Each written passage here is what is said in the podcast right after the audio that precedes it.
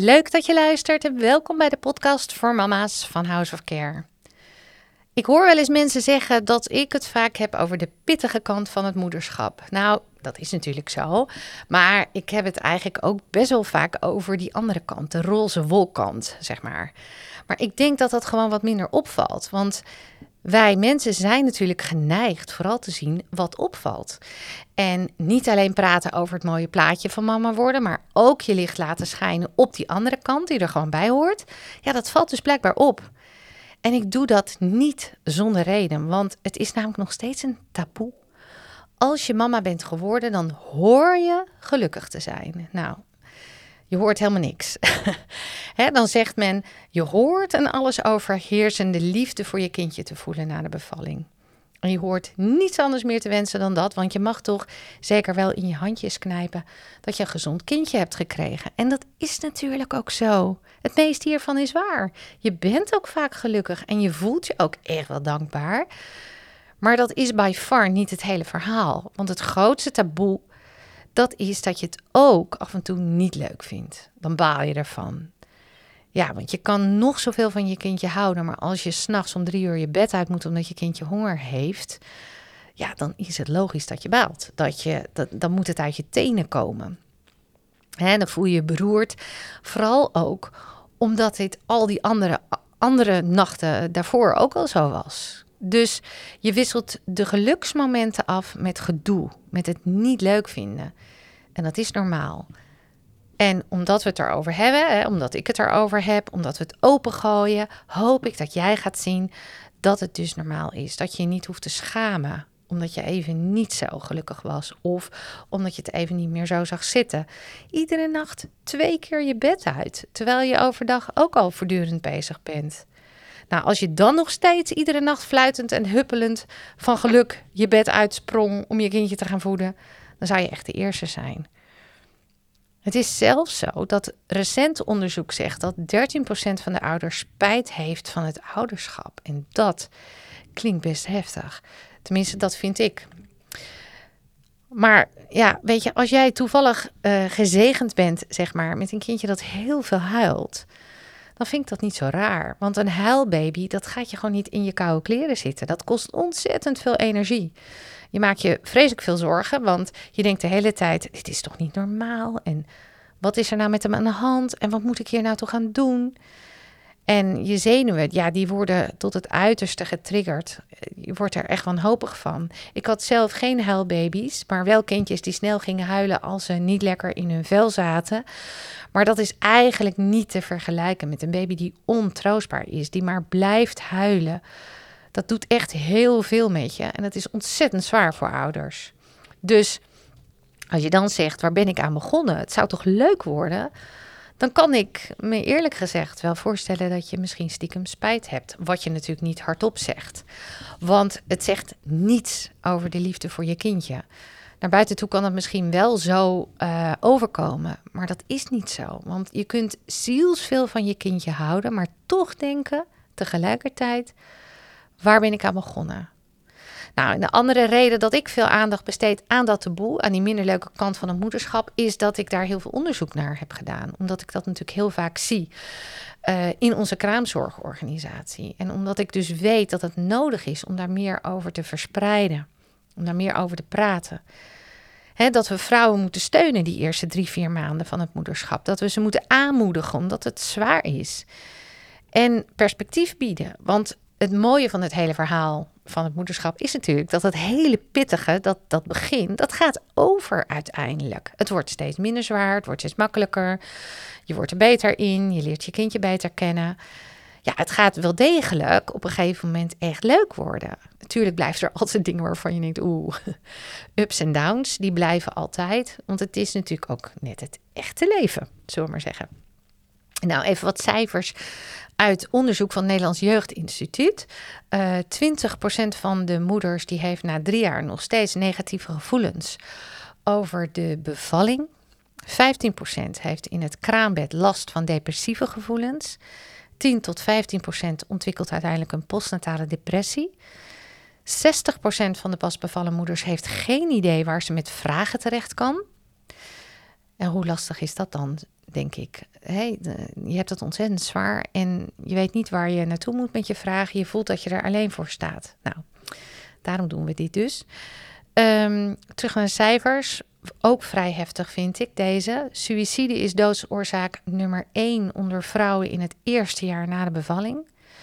En 80% van de zwangeren wil meer informatie over de periode na de bevalling. Dus niet alleen dat mooie plaatje wat overal voorgeschoteld wordt, maar ook gewoon hoe het echt is en wat ze kunnen verwachten. Nou ja, als je als mama niet goed in je vel zit en je kan uh, amper jezelf uh, op de been houden, dan is het natuurlijk logisch dat je er ook niet helemaal kan zijn voor je kindje. En dat heeft gevolgen voor de ontwikkeling. Daar zit mijn trigger. Want dat is ook de reden waarom wij bijvoorbeeld nog extra kraamzorguren geven na de kraamtijd, als mensen dat nodig hebben of willen. En ook waarom we een cursus hebben gemaakt voor die eerste paar maanden na de kraamtijd. Want dat geeft houvast, dat geeft steun, kennis, inzicht. En ik ben van mening dat als ik de mama steun hiermee, dan help je indirect de baby's. En een baby kan nou eenmaal niet voor zichzelf zorgen. Die is helemaal aangewezen op zijn ouders en in het begin natuurlijk vooral op mama. Even een disclaimer tussendoor. Als jij hiervan schrikt omdat je niet goed in je vel zit en je merkt dat je daardoor niet alle aandacht en zorg aan je kindje kan geven, denk dan nu niet gelijk dat het daarom helemaal fout gaat met de toekomst van je kindje. En dat dat dan jouw schuld is. Want stel je hebt last van een depressie, een postnatale depressie dus, dan kun je daar niets aan doen. Dus het is ook niet jouw schuld. En gelukkig is er heel veel aan te doen. Je geneest ervan, je gaat je weer gezond en stabiel voelen. En wat daar nou voor nodig is, dat is eigenlijk heel simpel. Op tijd aan de bel trekken bij je huisarts. Want hoe lang een depressie duurt, dat is eigenlijk vooral ook afhankelijk van een tijdige en een adequate begeleiding. En als je probeert uh, de depressie te negeren, of je denkt, nou weet je, uh, ik moet er maar gewoon mee leren leven, dan kan het veel langer duren, want dan wordt het een onbehandelde depressie. Het belangrijkste is dus dat je de verantwoordelijkheid neemt om je te laten begeleiden. En dat begint met een diagnose. Dus twijfel je? Ga naar je huisarts. En daarmee zet je de belangrijkste en beste stap. En die is ook heel goed voor je kindje, want jij zorgt voor jezelf. En daarmee dus indirect voor je kindje. Oké, dat wilde ik nog even zeggen. Even een klein stukje over die ontwikkeling. In Engeland zijn ze in 2014 al gestart met een manifest, The 1001 Critical Days. En daar hebben ze ook echt een politiek agendapunt van gemaakt. Hier in Nederland zijn we inmiddels ook zover. Hè? We hebben het over die eerste duizend dagen. Er zijn ontzettend veel wetenschappelijke onderzoeken uh, over gedaan in de laatste paar jaren. En daaruit blijkt dat, het, dat die eerste duizend dagen cruciaal zijn voor het verdere leven van je kindje. Hè, dat begint vanaf de conceptie en het loopt door tot je kindje twee jaar is. In die periode, dus die duizend dagen, worden per seconde 1 miljoen nieuwe verbindingen in de hersenen gemaakt. Hoe veiliger en hoe beter een kindje zich in deze periode kan hechten aan zijn ouders, des te groter is dus de kans dat hij zich of zij zich positief en stabiel ontwikkelt. Maar daarvoor heb je dus wel ouders nodig die emotioneel beschikbaar, bereikbaar en betrokken zijn. Nou, Opgroeien in een huis vol spanning, dat is natuurlijk logisch. Dat is gewoon niet goed voor de ontwikkeling van je kindje. En het ondermijnt zowel een veilige hechting als ook het opbouwen van een stevig zelfbeeld. En dat is ook waarom wij zoveel moeite en tijd steken in het doorprikken van die luchtballon van het blije ouderschap. Dat mooie plaatje. Dat is ook waarom we zoveel content delen hierover. Want hoe meer je erover weet als mama, hoe beter je voor jezelf zorgt, omdat je weet dat dit key is. Hoe beter jij er voor je kindje kunt zijn, hoe fijner dat voor je kindje is en voor de toekomst van je kindje. Dat hebben we dus allemaal in onze cursus gestopt. Dus als jij nou denkt van, ja, dat wil ik. Ga dan even naar onze website www.houseofcare.nl schuine streep cursus. Maar wat is nou veilige hechting? Wanneer is je kindje veilig gehecht aan jullie en wat betekent dat dan? Nou, hechting is een proces van interactie tussen jou of eigenlijk tussen jullie. Dus als je een partner hebt, dan gaat het natuurlijk om jullie samen als ouders.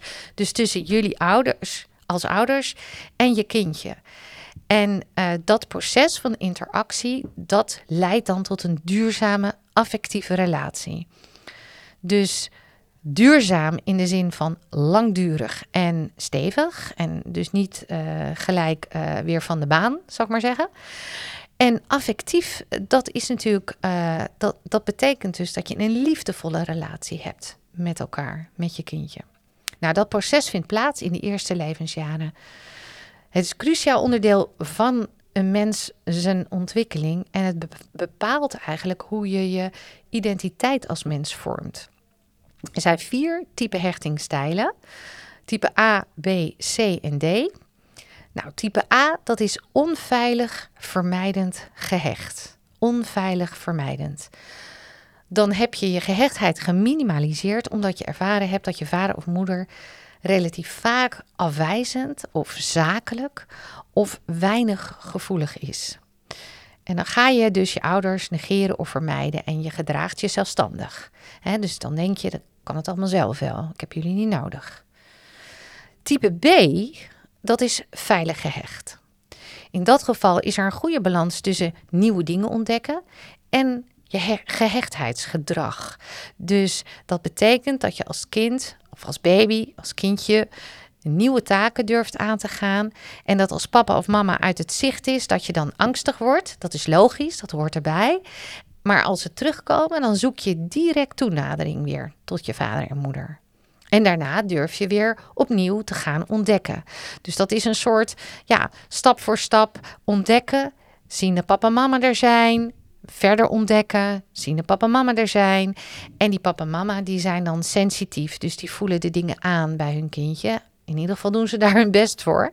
Ze zijn coöperatief, dus ze, ze, doen het, ze doen veel samen met hun kind. En ze zijn toegankelijk. Dus ze zijn makkelijk te benaderen. Ze, ze, ze luisteren als dat nodig is. Nou, type C, dat is onveilig afwerend gehecht. Onveilig afwerend. Dan zoek je juist heel veel toenadering bij je ouders en dan ben je weinig geneigd om zelfstandig activiteiten uit te voeren, omdat je dat spannend vindt, niet durft. En de afwezigheid van papa of mama, dat leidt tot angst. Nou, dat is bij ieder kindje zo. Maar als ze terugkomen, dan reageert dit kindje boos en verontwaardigd. En de ouders, die, als je die zou moeten omschrijven, die zijn vaak inconsequent sensitief. Dus de ene keer wel, de andere keer niet. Onvoorspelbaar en afwezig op cruciale momenten. En denk dan bijvoorbeeld aan als een kindje heel erg huilt. En dat ouders dan denken, nou weet je wat, ik laat je nu gewoon lekker een paar uur huilen, want uh, ik word er eigenlijk gewoon een beetje gek van. Wat op zich uh, een logische reactie is, hè, dat, je, dat je er gek van wordt. Uh, maar dan, dat is wel een cruciaal moment en dan moet je er wel zijn. Als je tenminste uh, graag je kindje veilig gehecht opvoedt. Nou, tot slot, het laatste type, dat is type D. En dat is gedesorganiseerd gehecht. Gedesorganiseerd gehecht. En dan heeft het gedrag kenmerken van zowel hechtingstype A, dat was onveilig vermijdend, als C, onveilig afwerend. Dus je voelt je onveilig, je, je vermijdt het, uh, het contact en je weert het af. Enerzijds zoek je dus wel toenadering tot papa en mama, maar dat levert tegelijkertijd heel veel stress en angst op bij je. En de omgang met, met je ouders is dan vaak inconsequent geweest en onvoorspelbaar. En vaak is er ook sprake van trauma's of andere ingrijpende gebeurtenissen. En wat je natuurlijk wil, wat ik net al zei, is dat je vooral graag wil dat je je kindje een veilig en liefdevolle uh, basis meegeeft. Dus dat je je kindje veilig gehecht opgroeit. En daarvoor is het belangrijk dat jij gevoelig bent of wordt voor de signalen die je kindje afgeeft. Bijvoorbeeld door te troosten als het huilt. In de jaren 60 en 70, ik ben daar zelf in geboren, misschien ook nog wel iets eerder, weet ik niet zeker. Um, was het boek van dokter Spock bijvoorbeeld heel populair. En als hij zei dat je kindje moest laten huilen omdat je anders hem te veel verwende, dan waren er echt miljoenen moeders over de hele wereld die dat advies opvolgden. En volledig te goeder trouw, hè? Gewoon met het idee dat ze het goed deden voor hun kindje. Want ja, de wetenschap zei dit en hij had er verstand van. Dus dan was het goed. Dus dat gingen ze dan ook echt heel strak doorvoeren. Alleen, ja, dat advies, dat staat een veilige hechting in de weg. De kinderen van deze moeders, dat zijn de veertigers, de vijftigers en misschien ook wel de zestigers van nu, die kunnen dus moeite hebben met het aangaan van relaties in hun leven. En inmiddels, nu dus, nu er veel meer onderzoek naar gedaan is, weten we dat het ontzettend belangrijk voor een kindje is dat papa en mama hem of haar hoort, troost, probeert te begrijpen en probeert in zijn behoeften te voorzien. Nou, daarnaast is het voor een veilige hechting belangrijk dat jij als mama of als papa de autonomie van je kindje respecteert en dat je hem steun en structuur biedt. Nou, wat is dan die autonomie van je kindje? In grote lijn kun je dat zien als de vorming van uh, zijn identiteit of van haar identiteit. dus dat je kindje zich ontwikkelt als degene die die wil en kan zijn. Nou, als die net geboren is, dan gaat dat daar natuurlijk nog helemaal niet om. Dan gaat het veel meer om reflexen. Heel simpel voorbeeldje. Stel, je kindje is moe en jij ziet bij je kindje uh, aan de, de, de signalen die hij geeft, zie je de behoefte dat hij wil gaan slapen. Nou ja, wil slapen. Dat hij de reflex heeft, ik ben moe, dus die oogjes, die moeten dicht. en dan leg je hem lekker in zijn wiegje of in zijn bedje, net hoe jij dat doet. En op die manier respecteer je dus de autonomie van je kindje. Nou, stel nou opa en oma die komen een half uurtje later langs en jij gaat je kindje wakker maken. Joehoe, opa en oma zijn er, wakker worden. Ja, dan respecteer je uh, die autonomie dus niet. En dat geldt ook voor hongersignalen, want je kindje geeft aan wat hij nodig heeft. Dus ja, mijn dringende advies en tip, ik zeg het al heel vaak, luister ernaar. En als jij die hongersignalen of die vermoeidheidssignalen nou nog niet zo goed kent, dat is helemaal niet erg hè, maar ga ze dan leren kennen. Dat zit trouwens ook in onze cursus naarmate je kindje zich verder ontwikkelt, dan ga je hem ook wat meer zelfstandig laten. Bijvoorbeeld bij het spelen. Stel, hij probeert steeds om te rollen, nou dan laat je dat lekker gaan. Dan zorg je dat je dat op afstand een beetje eh, in de gaten houdt. Maar je geeft hem dat vertrouwen om dat zelf te mogen leren. Nou, en dan steun en structuur, dat spreekt natuurlijk, denk ik wel, voor zich. Hoe meer chaos in je huis en in je gezin, hoe meer onduidelijkheid. Ehm, ja, een kindje, en dat geldt eigenlijk ook voor volwassenen hoor. We hebben voorspelbaarheid nodig, want dat geeft ons vertrouwen. Hè, weten waar we aan toe zijn. Dus uh, mijn advies zou ook zijn: breng structuur aan. Die ouderwetse drie R'en, rust, reinheid en regelmaat, die zijn nog steeds heel erg goed te gebruiken. En uh, nou, als je daar wat mee wilt doen, ook die zit in de cursus, behoorlijk uitgebreid ook ik zit me nu te bedenken, het lijkt net of ik onze cursus hier enorm zit te promoten. Dat was eigenlijk niet mijn bedoeling. Maar ik moet zeggen, ik ben er wel van overtuigd dat je er als pasbevallen mama, hè, als je kindje nog uh, nou, uh, twee, drie weken is tot vier maanden, dat je daar wel heel veel aan zult hebben. Een feit is wel dat uit onderzoek ook blijkt dat gehechtheid samenhangt met het vertrouwen dat mama's hebben in hun eigen bekwaamheid als opvoeder. Dus onzekerheid, opvoedingsspanning. Ja, die hebben natuurlijk een negatieve invloed op de gehechtheidsrelatie. Is niet zo raar. Ehm, maar dat is voor mij dus ook een reden om onze cursus wel ehm, te promoten. En het was misschien niet mijn bedoeling om dat nu hier in de podcast te doen. Maar uh, ja, ik zie zo ontzettend veel raakvlakken dat ik het even niet kan laten om het te zeggen. Um, om ja, weet je, je wil gewoon uh, pasbevallen mama's aansporen om zich op wat voor manier dan ook uh, te verdiepen in het moederschap, om te leren. Want je weet dit niet als je je er niet in verdiept. Hè? Er, je hebt geen diploma nodig om moeder te worden, maar het is wel heel belangrijk dat je het gaat leren, dat je je gaat verdiepen, lezen, podcast luisteren, uh, internet checken. Recente cijfers, want ik was wel heel erg benieuwd eerlijk gezegd, en misschien heb jij dat ook wel. Um, hoeveel van de mensen zijn nou eigenlijk veilig gehecht? Recente cijfers van het Nederlands Jeugdinstituut, die meten dat blijkbaar, die uh, geven aan dat het 60 tot 70 procent is. En dat betekent dus dat 30 tot 40 procent niet veilig gehecht is. Um, niet dat we er echt iets mee moeten, maar ik heb dan wel zoiets van: oké, uh, er is dus nog wel een wereld te winnen. En wat is nou het effect van een veilige hechting? Hè? Wat, is nou, wat zijn nou de gevolgen voor de toekomst van je kindje? Uit weer een ander onderzoek blijkt dat er een verband is tussen de kwaliteit van die gehechtheidsrelatie op jonge leeftijd en de manier waarop je als kind later omgaat met leeftijdsgenoten en in hoeverre je in staat bent om vriendschappen op te bouwen. Ook de manier waarop je kindje later met stressvolle situaties en gebeurtenissen kan omgaan. Dat noemt men dus coping. Dat houdt ook verband met de kwaliteit van de gehechtheid op jonge leeftijd. Er zijn zelfs positieve verbanden aangetoond tussen de kwaliteit van de gehechtheidsrelatie en cognitieve vaardigheden en zelfs taalvaardigheden. Dus deze drie punten. Eén, je kindje kan later betere relaties en vriendschappen opbouwen met anderen. Twee, hij kan beter met stressvolle situaties omgaan. En drie, hij kan makkelijker leren. Ja, ik vind dat nogal wat. Het is zeker de moeite waard, lijkt mij, om je als mama daarin te verdiepen omdat je hiermee je kindje dus echt een liefdevolle start geeft voor zijn hele verdere leven. En hoe doe je dat nou? Nou, in grote lijnen zo. Aan de ene kant benader je je kindje met een houding van kom maar. Dus kom maar bij papa of mama. Wij zijn er voor je. Want je kindje heeft het nodig dat je hem of haar beschermt, troost, ook van hem geniet, verwelkomt en bijvoorbeeld haar of zijn gevoelens benoemt.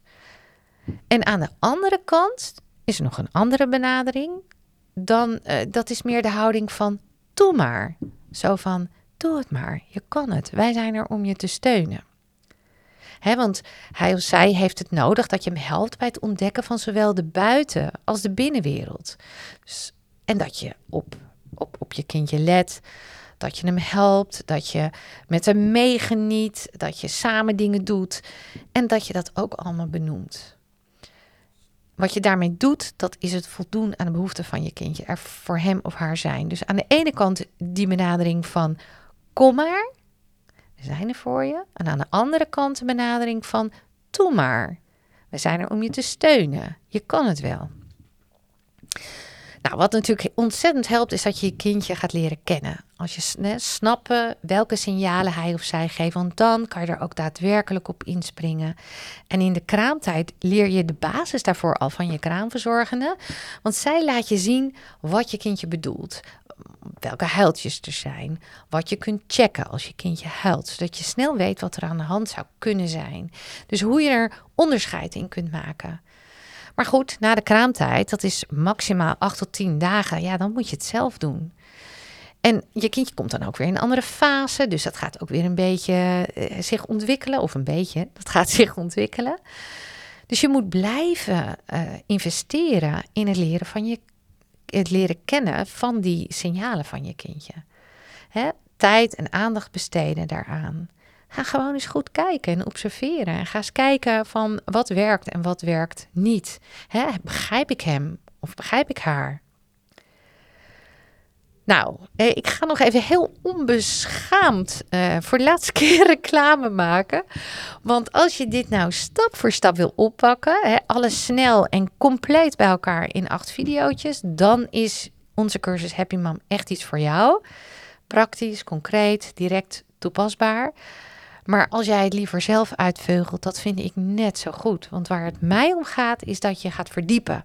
Dat je ziet hoe belangrijk dit is. En dat het een moeite waard is om hier moeite voor te doen. Nou, dat was het over hechtingstijlen. Ik kan er nog uren over doorpraten, maar dat ga ik niet doen. Ik probeer het kort en bondig te houden. Super leuk dat je geluisterd hebt. Dank je wel. We krijgen hele leuke reacties op onze podcast. Mocht jij nou nog een vraag hebben, of misschien over dit onderwerp of over een ander onderwerp, mail die dan naar info.houseofcare.nl. Dan beantwoorden wij hem in een van onze volgende podcasts. En als je onze content waardevol vindt, help ons dan om die verder toegankelijk te maken voor andere mama's. En dat doe je door een x aantal sterren te geven in Apple Podcast. Nou ja, uh, via Android kan dat niet, maar dan kun je misschien op Google een review achterlaten als je houseofcare.nl intikt. Het algoritme uh, werkt nou eenmaal zo dat hoe meer een podcast gewaardeerd wordt, hoe beter die vindbaar is voor nieuwe luisteraars. Um, ja, en dat willen we graag. Wat trouwens ook helpt, is als je ons op social media terwijl je de podcast luistert, bijvoorbeeld. We zijn je enorm dankbaar als je dat zou willen doen.